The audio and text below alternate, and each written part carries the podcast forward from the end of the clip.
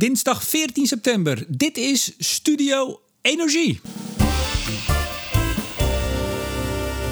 Met vandaag een nieuwe aflevering van Blik op olie en gas. Met onafhankelijk energieanalist Jilles van den Beukel. Goedemorgen Remco. En mijn naam is inderdaad Remco de Boer. Straks praten we vooral over aardgas. En dan met name de torenhoge prijs ervan.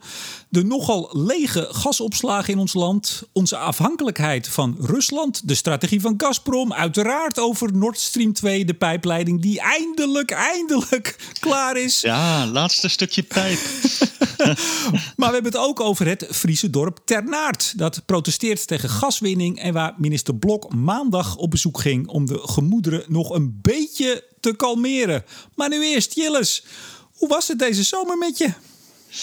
Uh, ja, nou, nou, ja, een, eh, een, een, mix van appelscha en uh, toch weg, maar niet zo lang als we normaal weg zouden gaan. Maar ik ben een tijdje in, in, in, Zwitserland geweest, in de bergen. En dat vond ik wel weer heel mooi, want ik was ja, wel twee of drie jaar niet in Zwitserland geweest. En ik heb een hele goede vriend daar wonen. We proberen elk jaar een stuk te lopen. Hij had een chaletje gehuurd met prachtig uitzicht op de Jongvrouw en zo. Is zo mooi. En als dan de zon doorkomt en de bergen, is echt mooi. Ja. Ach hemel. Want voor de, voor de zomer hadden we onze laatste. Het is veel te lang. Heeft veel te lang geduurd. Toen, toen vroeg ik je nog, ga je nog wat doen? Nee, we zijn al geweest en ik blijf lekker in Appelscha. En toen zag ik ineens jodelend in die Zwitserse bergen. Ja, ja, ja. En ik ben met Willy nog een uh, tijd uh, heb ik gelopen langs de Moezel, Moezelstijk. Dat is zo'n Duits lange afstandspad. en dat hebben we, nou, daar zijn we net pas van terug. Ja, ja daar, daar, begreep ik ook alweer niks van. Want wij hadden nog even contact. En toen zei jij, nou ja, wij, wij gaan nu hè, september. En misschien zijn we wel oktober pas terug. Ja. En toen stond je alweer zo'n beetje om de, stond je alweer voor de deur. Ja, dat, dat, dat uh, ja, nee, plannen veranderen soms en zo. Uh, Toch ja. geen ruzie gehad, hè? Nee, geen ruzie gehad. Verre van dat. Nee, Goed. Nee. Gasprijs. Meneer Van den Beukel, uh, we nemen dit op maandagochtend op. En jij hebt zojuist nog even een uh, grafiekje van de prijs van vanochtend getwitterd. Uh, iedereen die een beetje de markt volgt, die weet dat de, gasprijs door het dak gaat de afgelopen tijd. En vanochtend weer een record. Waar staan we? Hij ging om kwart voor tien, zag ik. Want ik keek naar de intraday front month, dus volgende maand.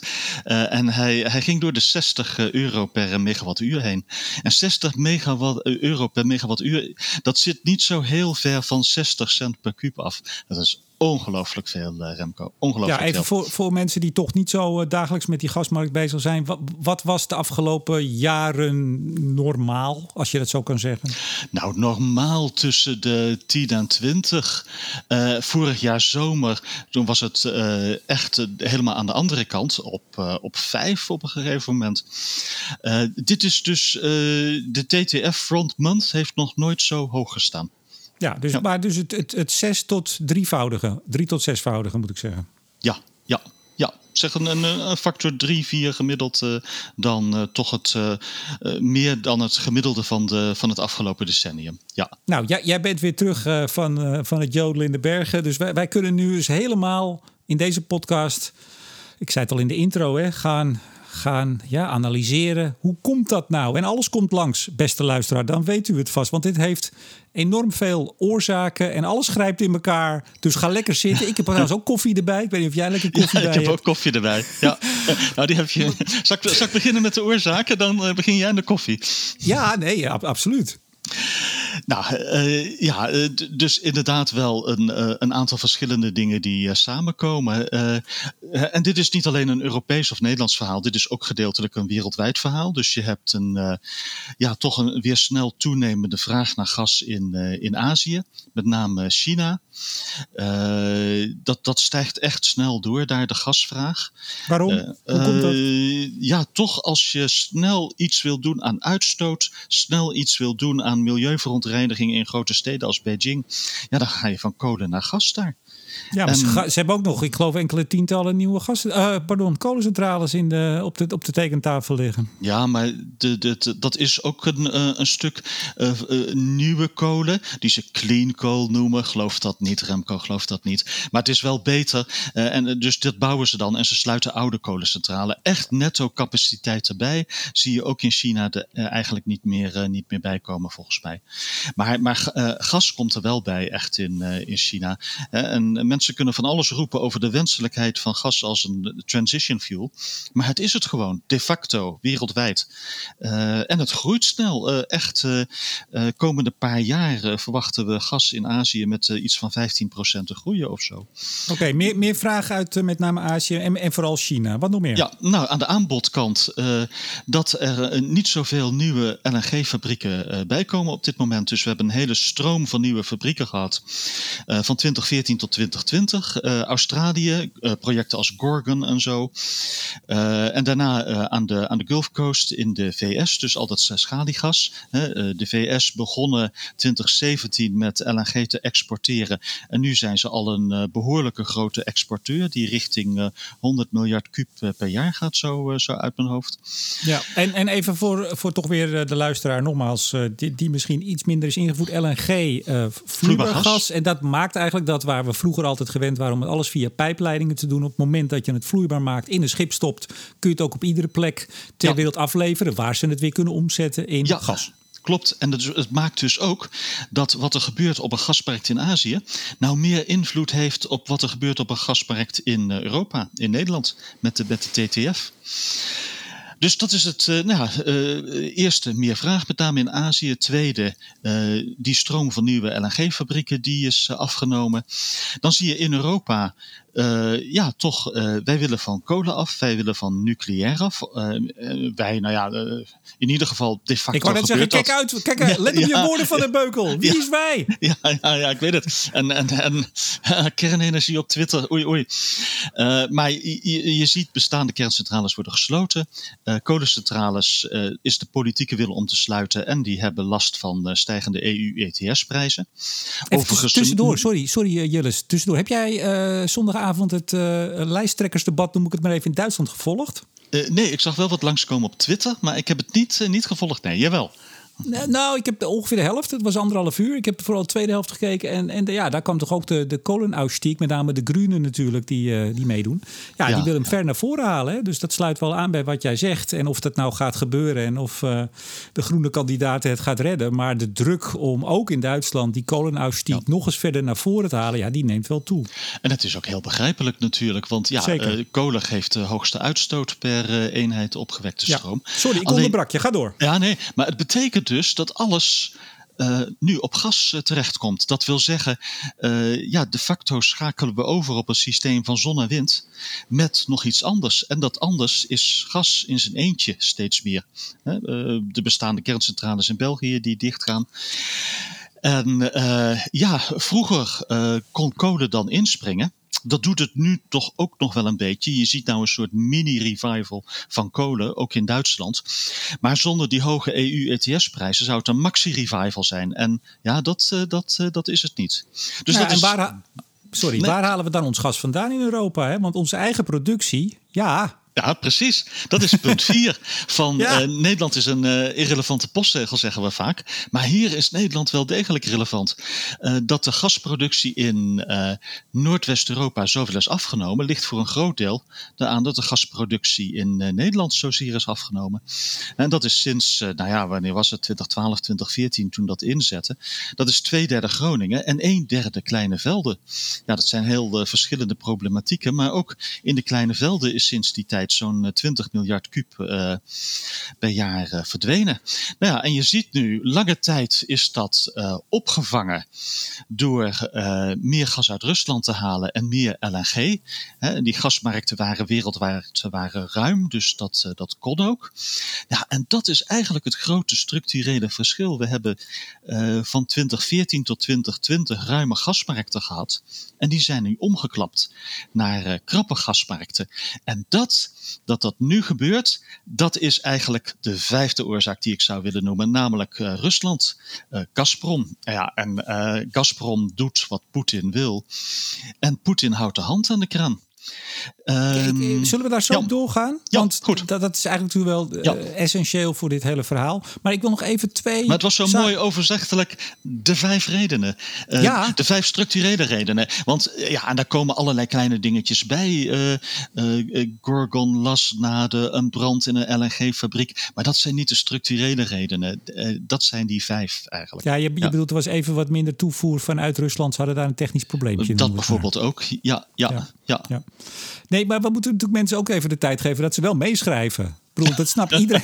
Iedereen zit met bloknoot uh, in de hand of met de iPad natuurlijk. Maar even één stapje terug. Je had het net ook al over het kleine veldenbeleid. En ja. jij was maandagochtend nog even op Radio 1 om te praten of om iets te duiden over het protest in Ternaard, het mooie Friese dorpje.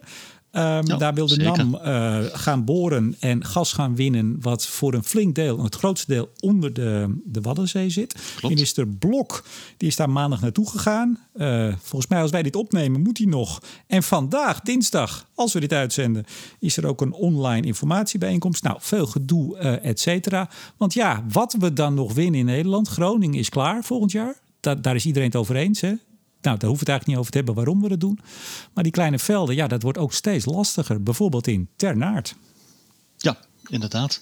Uh, dus uh, nou ja, ik, ik, wist dat het eraan zat te komen op uh, Radio 1. Dus ik heb ja, een beetje meer ingelezen. Het hele winningsplan van Ternaard nog eens opgezocht en doorgespit. het is klein. Uh, ja, het hoort bij de kleine velden, maar het is ook weer niet zo klein. Het, uh, het is een uh, eh, 5 miljard kuub die ze verwachten daar uit te halen. Met een grote onzekerheid trouwens daaromheen hoor. De, de range is iets van anderhalf tot, tot acht of zo. We, weet je, Jilles, ik, ja? ik heb ook, uiteraard bereid ik me ook voor. Dat ja? doen wij bij, bij Studio Energie. ja? Maar ik vond, ik vond nog een studie, want ik heb juist even wat jaren teruggekeken. nou ben ik even, ik dacht een jaar of vijf geleden, een, een, een studie van Arcades. En daar, stond, daar werd nog 25 miljard kuub genoemd. Ah, dat is het andere interessante. Dus eh, dan ga je doorlezen. De hoeveelheid gas in de, in de grond wordt inderdaad geschat op 25 miljard kuub. Uh, ja, en, en dat is best wel veel uh, eigenlijk. Uh, ik vroeg mezelf ook af toen ik dat las van... God, waarom heeft de NAM dat niet eerder ontwikkeld? Uh, is dat reservoir zo slecht? dat soort dingen. eigenlijk denk je stilletjes... ja, ze beginnen nou met één put... maar het zou me niet verbazen als ze over een paar jaar... nog een put 2 en 3 achteraan laten komen. Maar Jillis, jij, bent, jij, ja. jij, jij, hebt verstand van de bodem. Dat, dat is jouw vak geweest al die ja. jaren. Jouw hele professionele leven. Um, Hoe, hoe, hoe moeten we dit zien? Jij, jij, jij, voelt, jij voelt dit beter aan dan wie dan ook. Nou, kijk, het kan. Ja, maar ik heb nooit aan dit veldje gewerkt, bijvoorbeeld. Maar het kan zijn dat die gaskolom niet zo groot is. Dat die reservoirkwaliteit niet zo goed is. En dan is het wel voorspelbaar voorstelbaar dat je er maar 5 miljard kuub uithaalt. Maar als het goed reservoir is en een beetje fatsoenlijke gaskolom, ja, dan, dan zou dat eigenlijk uh, veel meer moeten zijn dan, uh, dan 5 miljard uh, kuub. Maar kijk, het is zoals vaker, ze zetten hier nu één productieput in. Ze gaan daar één of twee jaar van, produce van produceren. Dus nou ja, dat zou 2023, 23, 24, 2024 kunnen zijn, die productie. En dan zou je kunnen voorstellen dat ze nog eens gaan kijken van uh, met, met die put erbij kun je ook wat beter afschatten hoeveel uh, gas er in de grond zit. Want ja, 25 miljard uh, kuub is, is, is best wel veel onder de grond in place.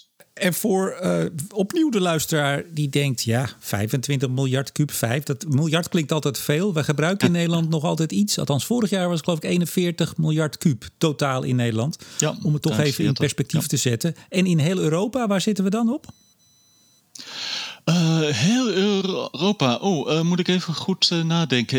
oh, zo overval ongeveer... ik je nou? ja, volledig. Maar ik heb het antwoord. ongeveer 450 Ik kan net zeggen, dat is tien keer zoveel ongeveer. Ja, ruim tien keer zoveel. Ja, Nederlands gasverbruik is ongeveer 10% van het, ja. van het EU. reken ik even EU.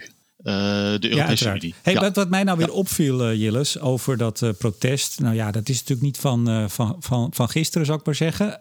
wat even voor, voor, de goede orde, er is nog nooit gas gewonnen, hè? Het is nee, ze hebben in de begin jaren negentig daar een put geboord. die boorden ze een beetje downflank, dus niet op het hoogste punt van het gasveld. daar konden ze dus moeilijk een producer van maken. ze hebben nu ook betere seismiek ongetwijfeld dan ze toen hadden. Ze kunnen beter uitrekenen hoeveel erin zit en waar ze moeten boeren. Ja, en daar zijn ze nu aan, aan toe. Ja.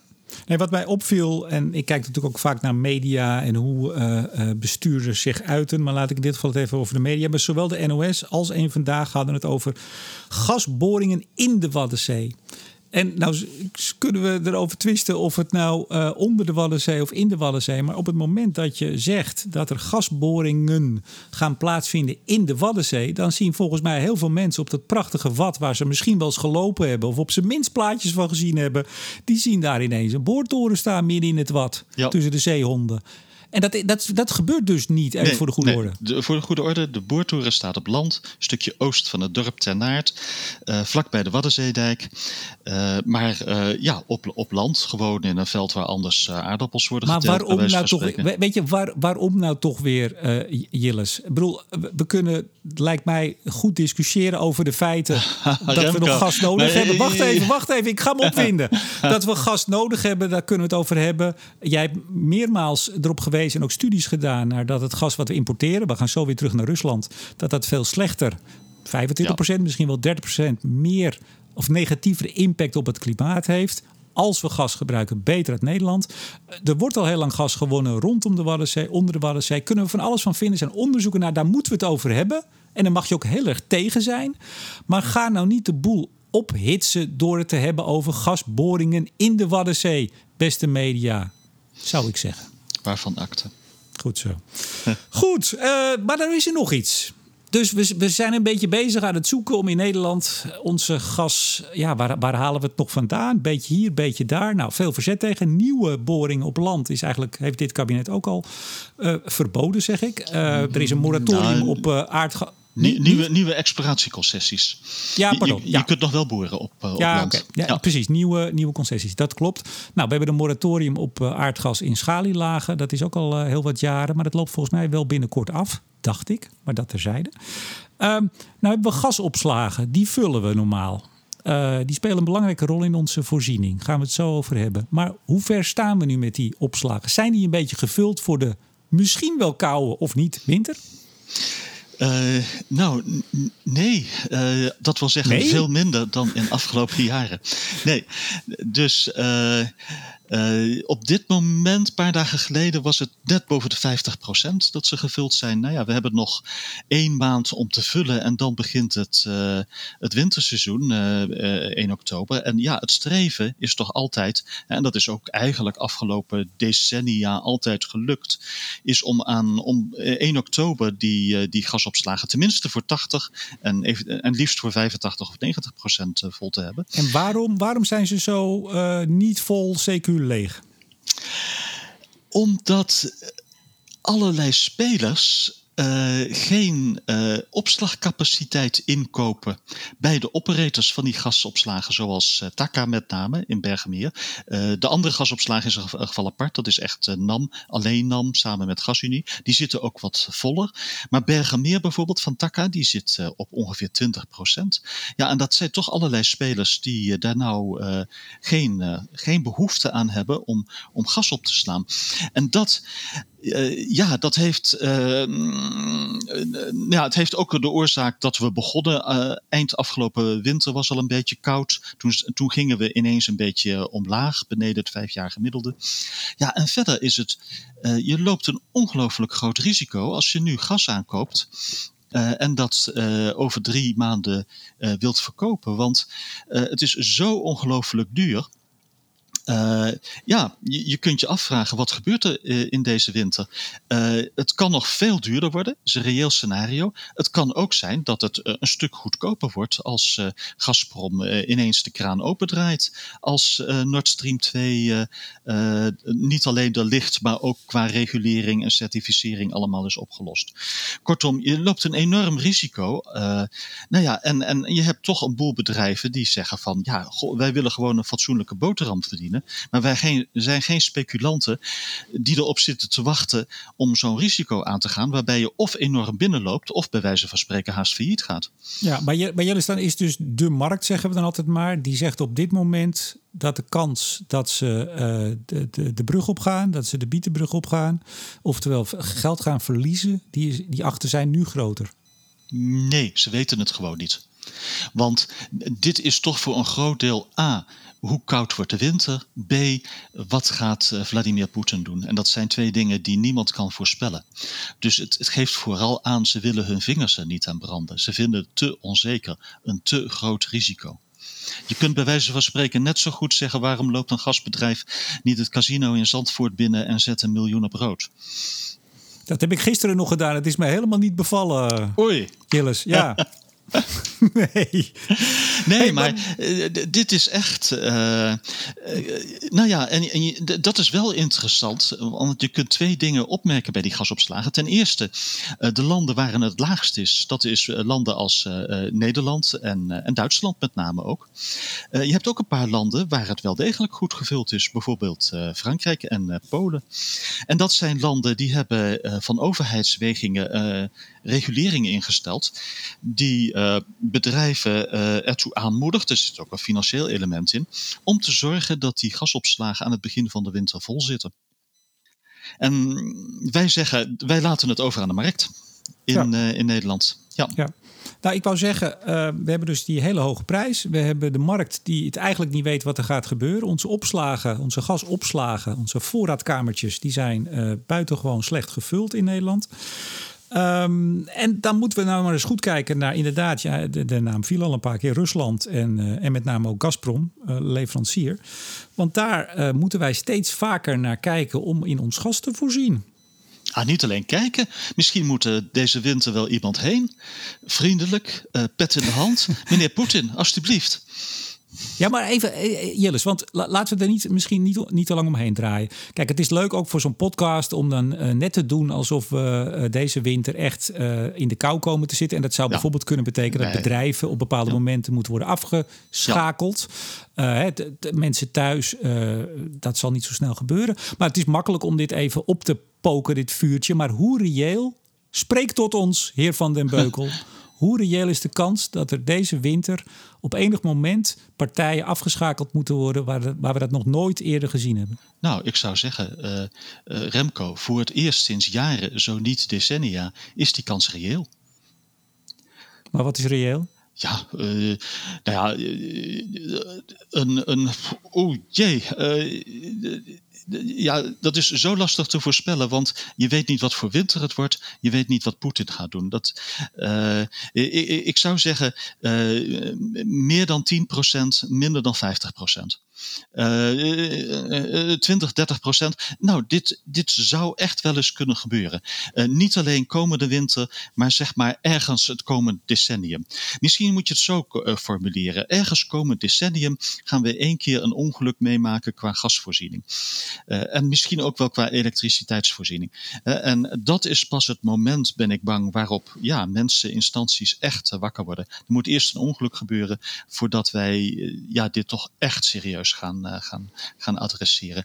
Kijk, um, nou, daar kunnen we het zo, zo, nog even hebben, want dit heeft natuurlijk een achtergrond. Tot nu toe is Gazprom, ja, en, en Gazprom is Rusland, is Poetin, is terughoudend geweest met gas exporteren naar, uh, naar Europa. En dat is begonnen met de coronacrisis. Dus in 2019 exporteerden ze 200 miljard kuub. En even uh, met een totaalverbruik van, dat is zo 39% van de EU-gasconsumptie ongeveer in dat jaar. Recordhoog. De EU, Brussel heeft altijd gezegd, we willen dat liever niet hoger hebben dan 30%. Nou, tussen 2012 en 2019 is dat heel langzaam van 30 richting 40 gekropen. Toen kwam de coronacrisis. Nou, toen heeft Rusland gezegd van wij gaan geen uh, strijd om marktaandeel voeren. Wij zijn bereid om die, uh, om die kraan uh, terug te draaien. Dat hebben ze ook gedaan. Dus dat jaar hebben ze geen 200, maar ongeveer 170 per pijpleiding Gazprom naar Europa, de EU, uh, geëxporteerd. Uh, dat nog ging samen met hele lage prijzen. Uh, want ja, die gasvraag die is echt een stuk lang minder geweest. In de zomer zetten de LNG-plants in de VS tijdelijk twee maanden hun, hun, hun export naar Europa gedeeltelijk stil. Maar de grote bijdrage van het weer balanceren van de markt, die is echt gekomen van Rusland. Nou ja, en, en dit jaar zie je dus van nou, de vraag is weer aardig op zijn oude normale niveau. Maar Rusland exporteert niet op zijn oude normale niveau. Het doet een beetje wat OPEC ook doet. Het levert net iets minder dan waar de markt om vraagt. En ja, omdat uh, de prijzen uh, en, en vraag zo inelastisch is. Hè, we hebben gewoon gas nodig, elektriciteit, warmte, uh, industrie enzovoort. Nou ja, gaan die prijzen nu door het, door het, door het dak heen. Ja. En Gazprom zal dit jaar ongeveer 185 miljard kuub. dus wel meer dan vorig jaar exporteren naar de EU. Maar toch een stuk minder dan, dan, dan 2019. Hè? En je ziet waarom ze ik ga zo weer een vraag tussendoor stellen. Sorry dat, ik zo lang doorrammel. maar ik wou nog één dingetje zeggen. Je ziet waarom ze dat doen.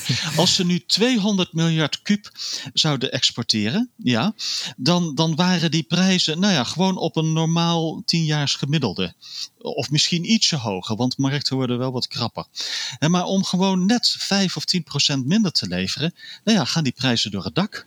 En daarop lopen ze binnen, financieel. Nou ja, dat wou ik dus net vragen. Hoe rekenen zij af? Want we hebben, toen we deze podcast begonnen, had je het even over die prijs. En dan kan je één dag van tevoren, een maand van tevoren. Hoe rekent Gazprom, die grote leverancier waar Europa steeds afhankelijker van, hoe rekenen zij hun gas af? Nou, daar zit ook een interessant verhaal achter. Op dit moment rekenen ze af 60% spot of één maand front, 30% een paar maanden front of een jaar front, die orde van grootte, 10% olie geïndexeerd. En de grote prijs voor de, de grote pijn voor de afnemers is nu dat het aandeel olie geïndexeerd zo ontzettend laag is. In het verleden was eh, de helft of nog meer van de Gazprom-contracten was, was olie geïndexeerd. In, in Azië is het nou ook nog uh, die kant op.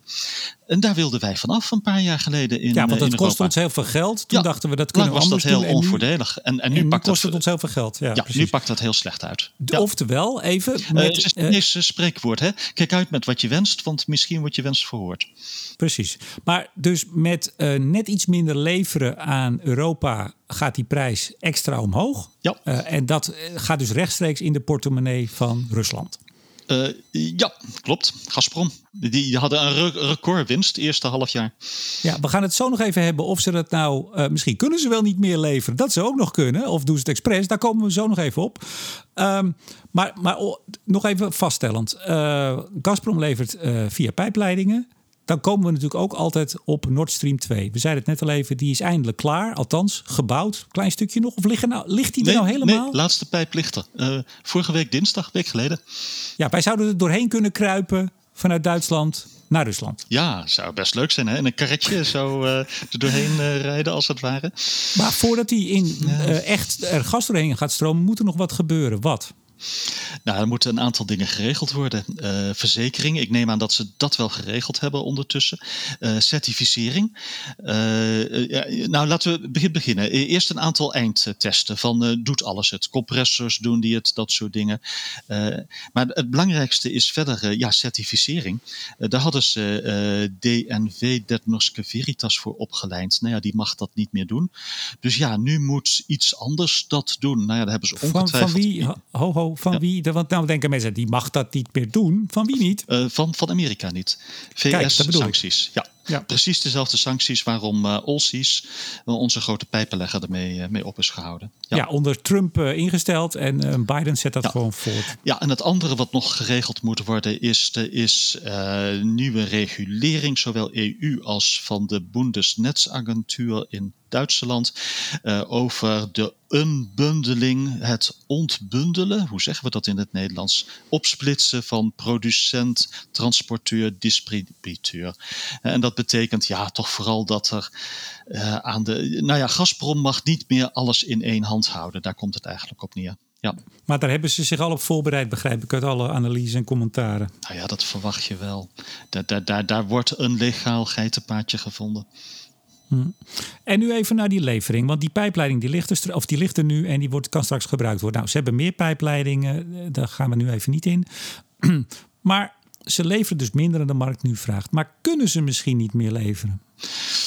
Ja, dat is een vraag die deze zomer een beetje opkwam. En dat is eigenlijk een vraag ja, waar je als analist niet zo heel goed antwoord op kunt geven. Want ja, zo transparant is Gazprom gewoon niet.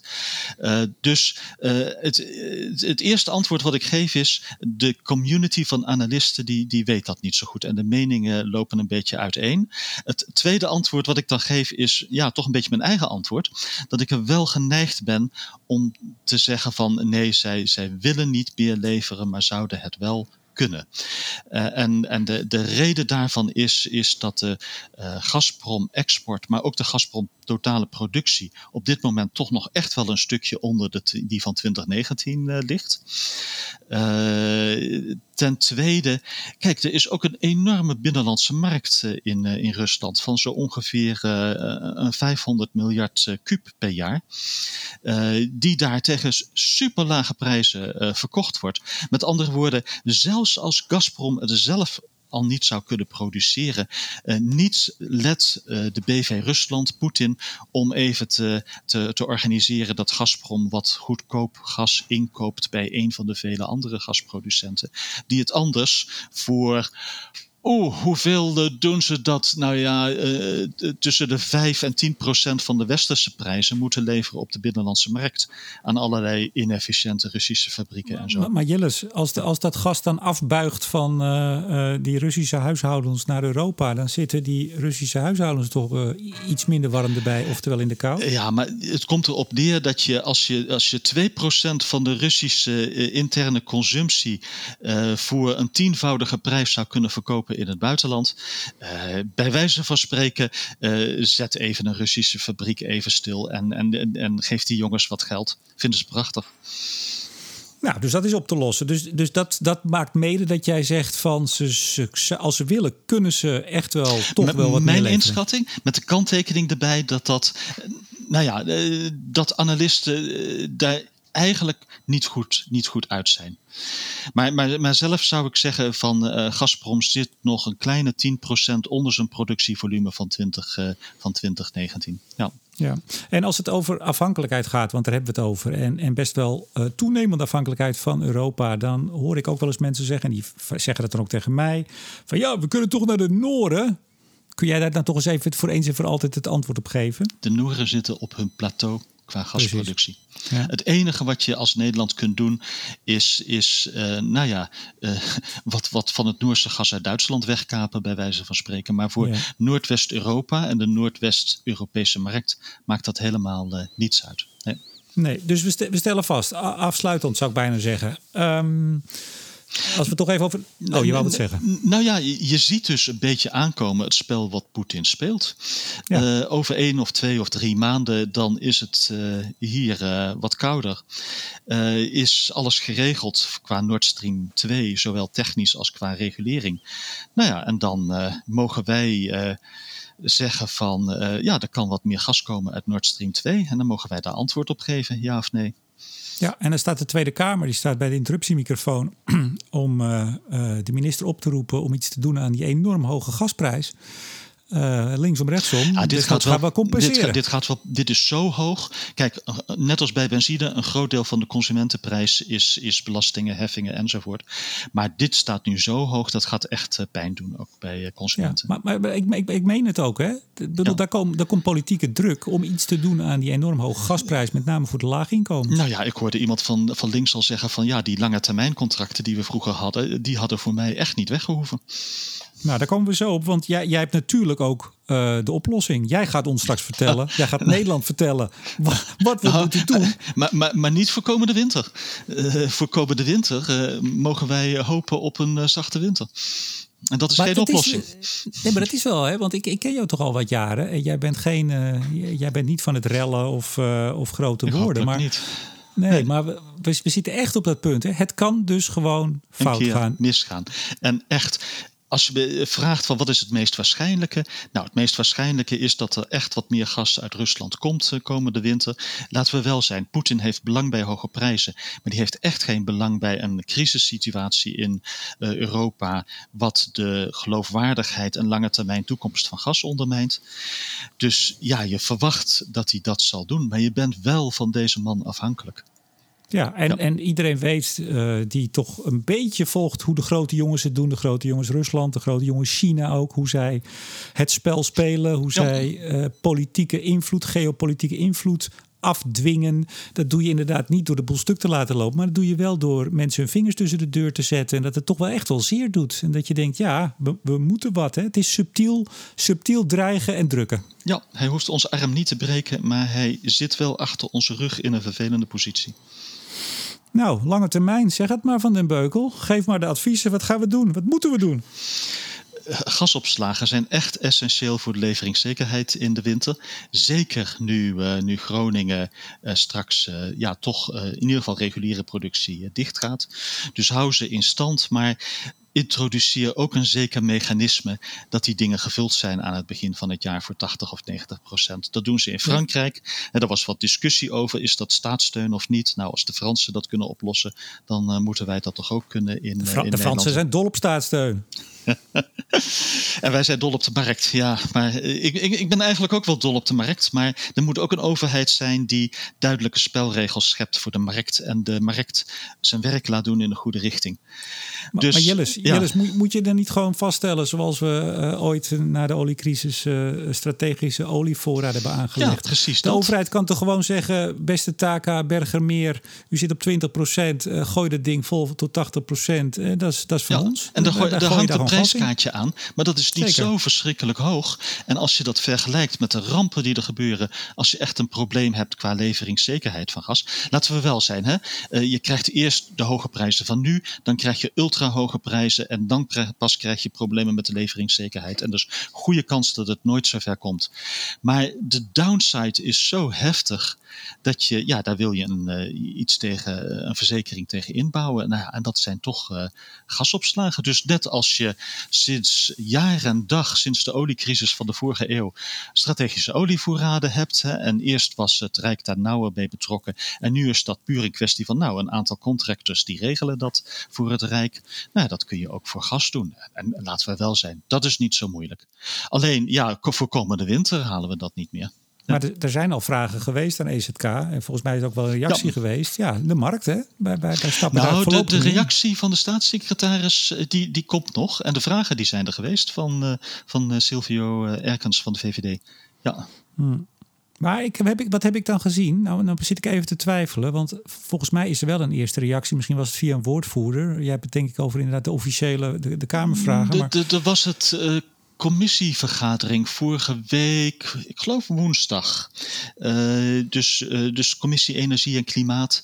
Uh, vier uur lang met staatssecretaris Jezilgus, spreek ik het goed uit? Ik hoop het echt. Ik zeg altijd Jezilgus Segerius, maar dat... Uh... Jezilgus Segerius, sorry. Nee, nee, dat soort dingen wil ik echt maar, altijd maar, correct Jillis, doen. Ja. Nee, maar even, dit gaat natuurlijk niet over deze staatssecretaris... en dit gaat zelfs niet over dit demissionaire kabinet. Want het zou echt een enorme omslag zijn als dit zou gaan gebeuren. En dit, dit kan een demissionair kabinet... Nou ja, alles kan, maar dat, je ziet het niet voor je dat hij dat gaat doen. Maar dit zou een totale ja. trendbreuk zijn met de afgelopen nou, decennia. Maar we, er is ook een totale uh, verandering in onze situatie qua gas. Ik bedoel, wij gingen van een eenvoudig systeem waarin Groningen al onze gasproblemen oploste, naar een complex systeem. Import uit Rusland, import van LNG, conversie, uh, gasopslagen. Dat hele systeem moet werken. En wij hebben behalve onze eigen gasvraag, hebben wij ook nog wel de contracten voor het leveren van Groningen specificatiegas ja. aan Duitsland en, en België. Nou, houd, houd gasopslag in stand, punt 1. Punt 2. Uh, lange termijn contracten. Uh, wij laten in Nederland, uh, zover is het nog niet, maar binnenkort wordt het dat wel de situatie. Dan hebben wij helemaal geen lange termijn contracten meer. En dan moeten we alles op de spot doen. En dat is een groot risico. Ja, op de spot wil zeggen gewoon op de, op de dagmarkt. Ja, op de dagmarkt. Ja.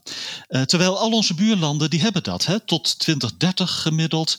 en dan praat je echt over 40 of 50 procent van hun, hun gasvoorziening. Hoeft niet alles te zijn, maar dat je in ieder geval iets hebt wat je helpt om, om de uh, moeilijke tijden door te komen. Ja. ja. Nou, nou weet jij misschien niet, Jillis, en misschien heel veel luisteraars ook niet, dat ik heb in, in deze podcast een tweewegsysteem ingebouwd. Ik kan ook luisteren naar alle luisteraars terwijl ze zitten te luisteren. En ik heb er nu een aantal echt horen schreeuwen van de Beukel de Boer.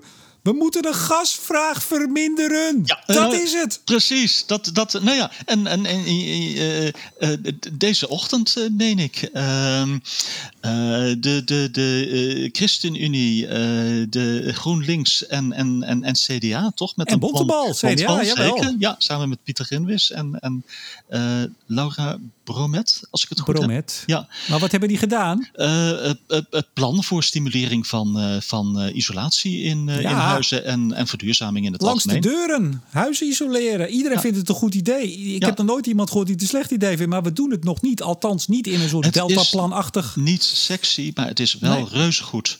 Want ja. ja, het is laaghangend fruit in de energietransitie. En, en toch ook van, ja, eh, volledig gasloos is misschien moeilijk, maar met hybride warmtepompen kun je heel snel grote stappen maken. Dus eh, absoluut, zo, eh, ook de vraagkant, ja. Ja, en, en, en waarom dat, eh, eh, je zegt inderdaad niet sexy was, maar voor wie de afgelopen jaren eh, de hele eh, transitiediscussie gehoord heeft in Nederland. Als je tot een paar jaar geleden het woord hybride liet vallen, hybride warmtepomp, oftewel ook nog een beetje gas voor als het echt koud is, dan werd je zo ongeveer gekielhaald. Want dan, wa- dan was je toch weer van het gas. En maar dat dan, is geloof ik toch wel aan het veranderen? ja, nee, dat is heel erg aan het veranderen. En gelukkig, mooi. nee, Ja. daarom zei ik tot, tot een Ja. paar jaar geleden. Dan hoorde je toch vooral in aan de voortrekkerskant. En dat vind ik een kant die eh, zonder wie we eh, überhaupt nergens zouden komen. Hè? De, de wat radicalere voortrekkerskant. Maar die hebben wel in het begin, en dat is tot voor kort, altijd hybride, althans altijd, hybride vaak afgewezen. Ik heb het aan de, aan de lijve mogen ondervinden. Want dan was je toch altijd maar weer met dat gas bezig. Dus de rationele komt er gelukkig eh, veel meer in. Dankzij ook Henry Bontebal, zeggen we dan. hey, eh, dus dat hebben we dan gehad. En ja, dan hebben we nog steeds, als we dit doen, eh, ja, gasopslagen, prima. Moet wel gas in. Eh, lange termijn contracten afsluiten. Niet alles op de dagmarkt kopen. Het is een beetje als met de vis, hè. Best duur soms.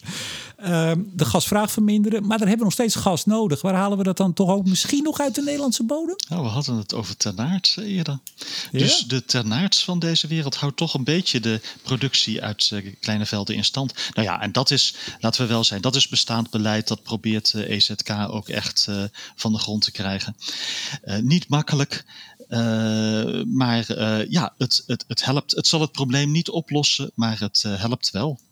Nou ja, Ja. en dan komen we bij de echt eh, moeilijke keuzes Tot slot. willen we Groningen nog achter de hand houden en eventueel een beetje de kraan opendraaien? Ja, dat is echt moeilijk gevoelig. En ook onder En welke omstandigheden. De, de NAM heeft er helemaal geen zin in. Die willen echt Nee. ervan af. Die zijn ook echt serieus benauwd van. eh, als je vier jaar op de waakvlam staat om bij te kunnen springen, hoeveel additionele kosten krijg je dan over je heen nog qua versterking en, eh, en schades? Die, die, hebben daar, eh, die hebben daar echt geen zin in. Maar ja, de wet voor Groningen, gaswet, is veranderd.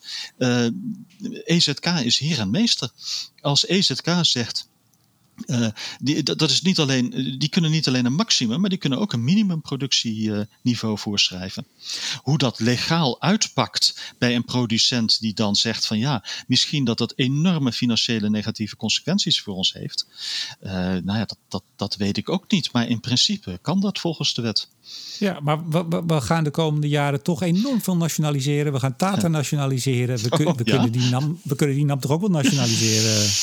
Ja, ja, ja kijk, eh, eh, zie jij EBN eh, Groningen produceren? Oei, nou ja, eh, misschien moet je de NAM maar in een soort eh, contractorrol eh, duwen voor Groningen.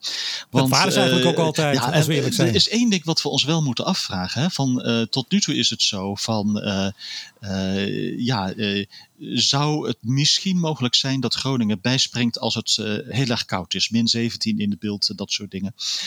Wil je dat ook als er een probleem is met de leveringszekerheid, waarbij het niet zo extreem koud is? Maar waarbij, eh, of wil je dat al als de, als de gasprijs bij wijze van spreken eh, een euro of twee euro per kuub wordt? Who knows? Ja, dus, dus doen we het voor de leveringszekerheid of doen we het om de prijs Nou, dat is een de- beetje een grijze zone. Eh, eh, Tussen hoge prijzen en leveringszekerheidsproblemen liggen extreem hoge prijzen. En, en eh, ja, dat hebben we in, eh, in, in, in Texas gezien, eh, eh, wat er met die prijzen daar gebeurde op een gegeven moment. Ja, en het andere is van, uh, ja, uh, het is een heel impopulaire boodschap, maar denk nog eens na over die kolencentrales.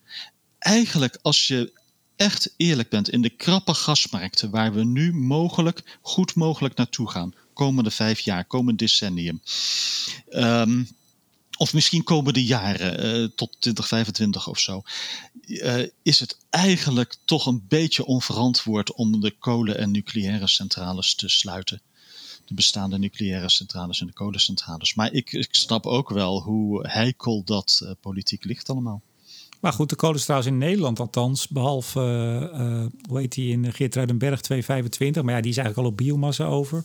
Die andere is in principe tot 230. Hij zit alleen de komende jaren op zo'n productiebeperking van max 35 procent. Ja, dat soort dingen. Daar uh, moet je dan misschien over nadenken. Nee, bedoel, die, die, ze staan er nog. Ja. En als het als echt een nood aan de man is, ja. uh, dat hebben we vaker gezien, dan kan dat ook weer ongedaan gemaakt worden. En, en hè, bedoel, als de druk maar hoog genoeg is, dan kan er van alles. Er kunnen gekke dingen gebeuren. Ja. Dus Remco, dit kan allemaal heel goed met een sisser aflopen uh, komende winter. Maar ja, het is wel iets waar we over na moeten denken en op voorbereid uh, moeten zijn. Ja. En ik, ja, er is wel een algemeen gevoel bij gasanalisten, uh, wereldwijd, Europawijd. Hoe kan het dat men zich daar in landen als Nederland en Duitsland niet meer zorgen over maakt? Nou ja, iedereen heeft geluisterd. Overigens, by the way, het gaat dus niet zozeer over deze winter als we goed geluisterd hebben naar je. Het gaat vooral ook over de jaren daarna.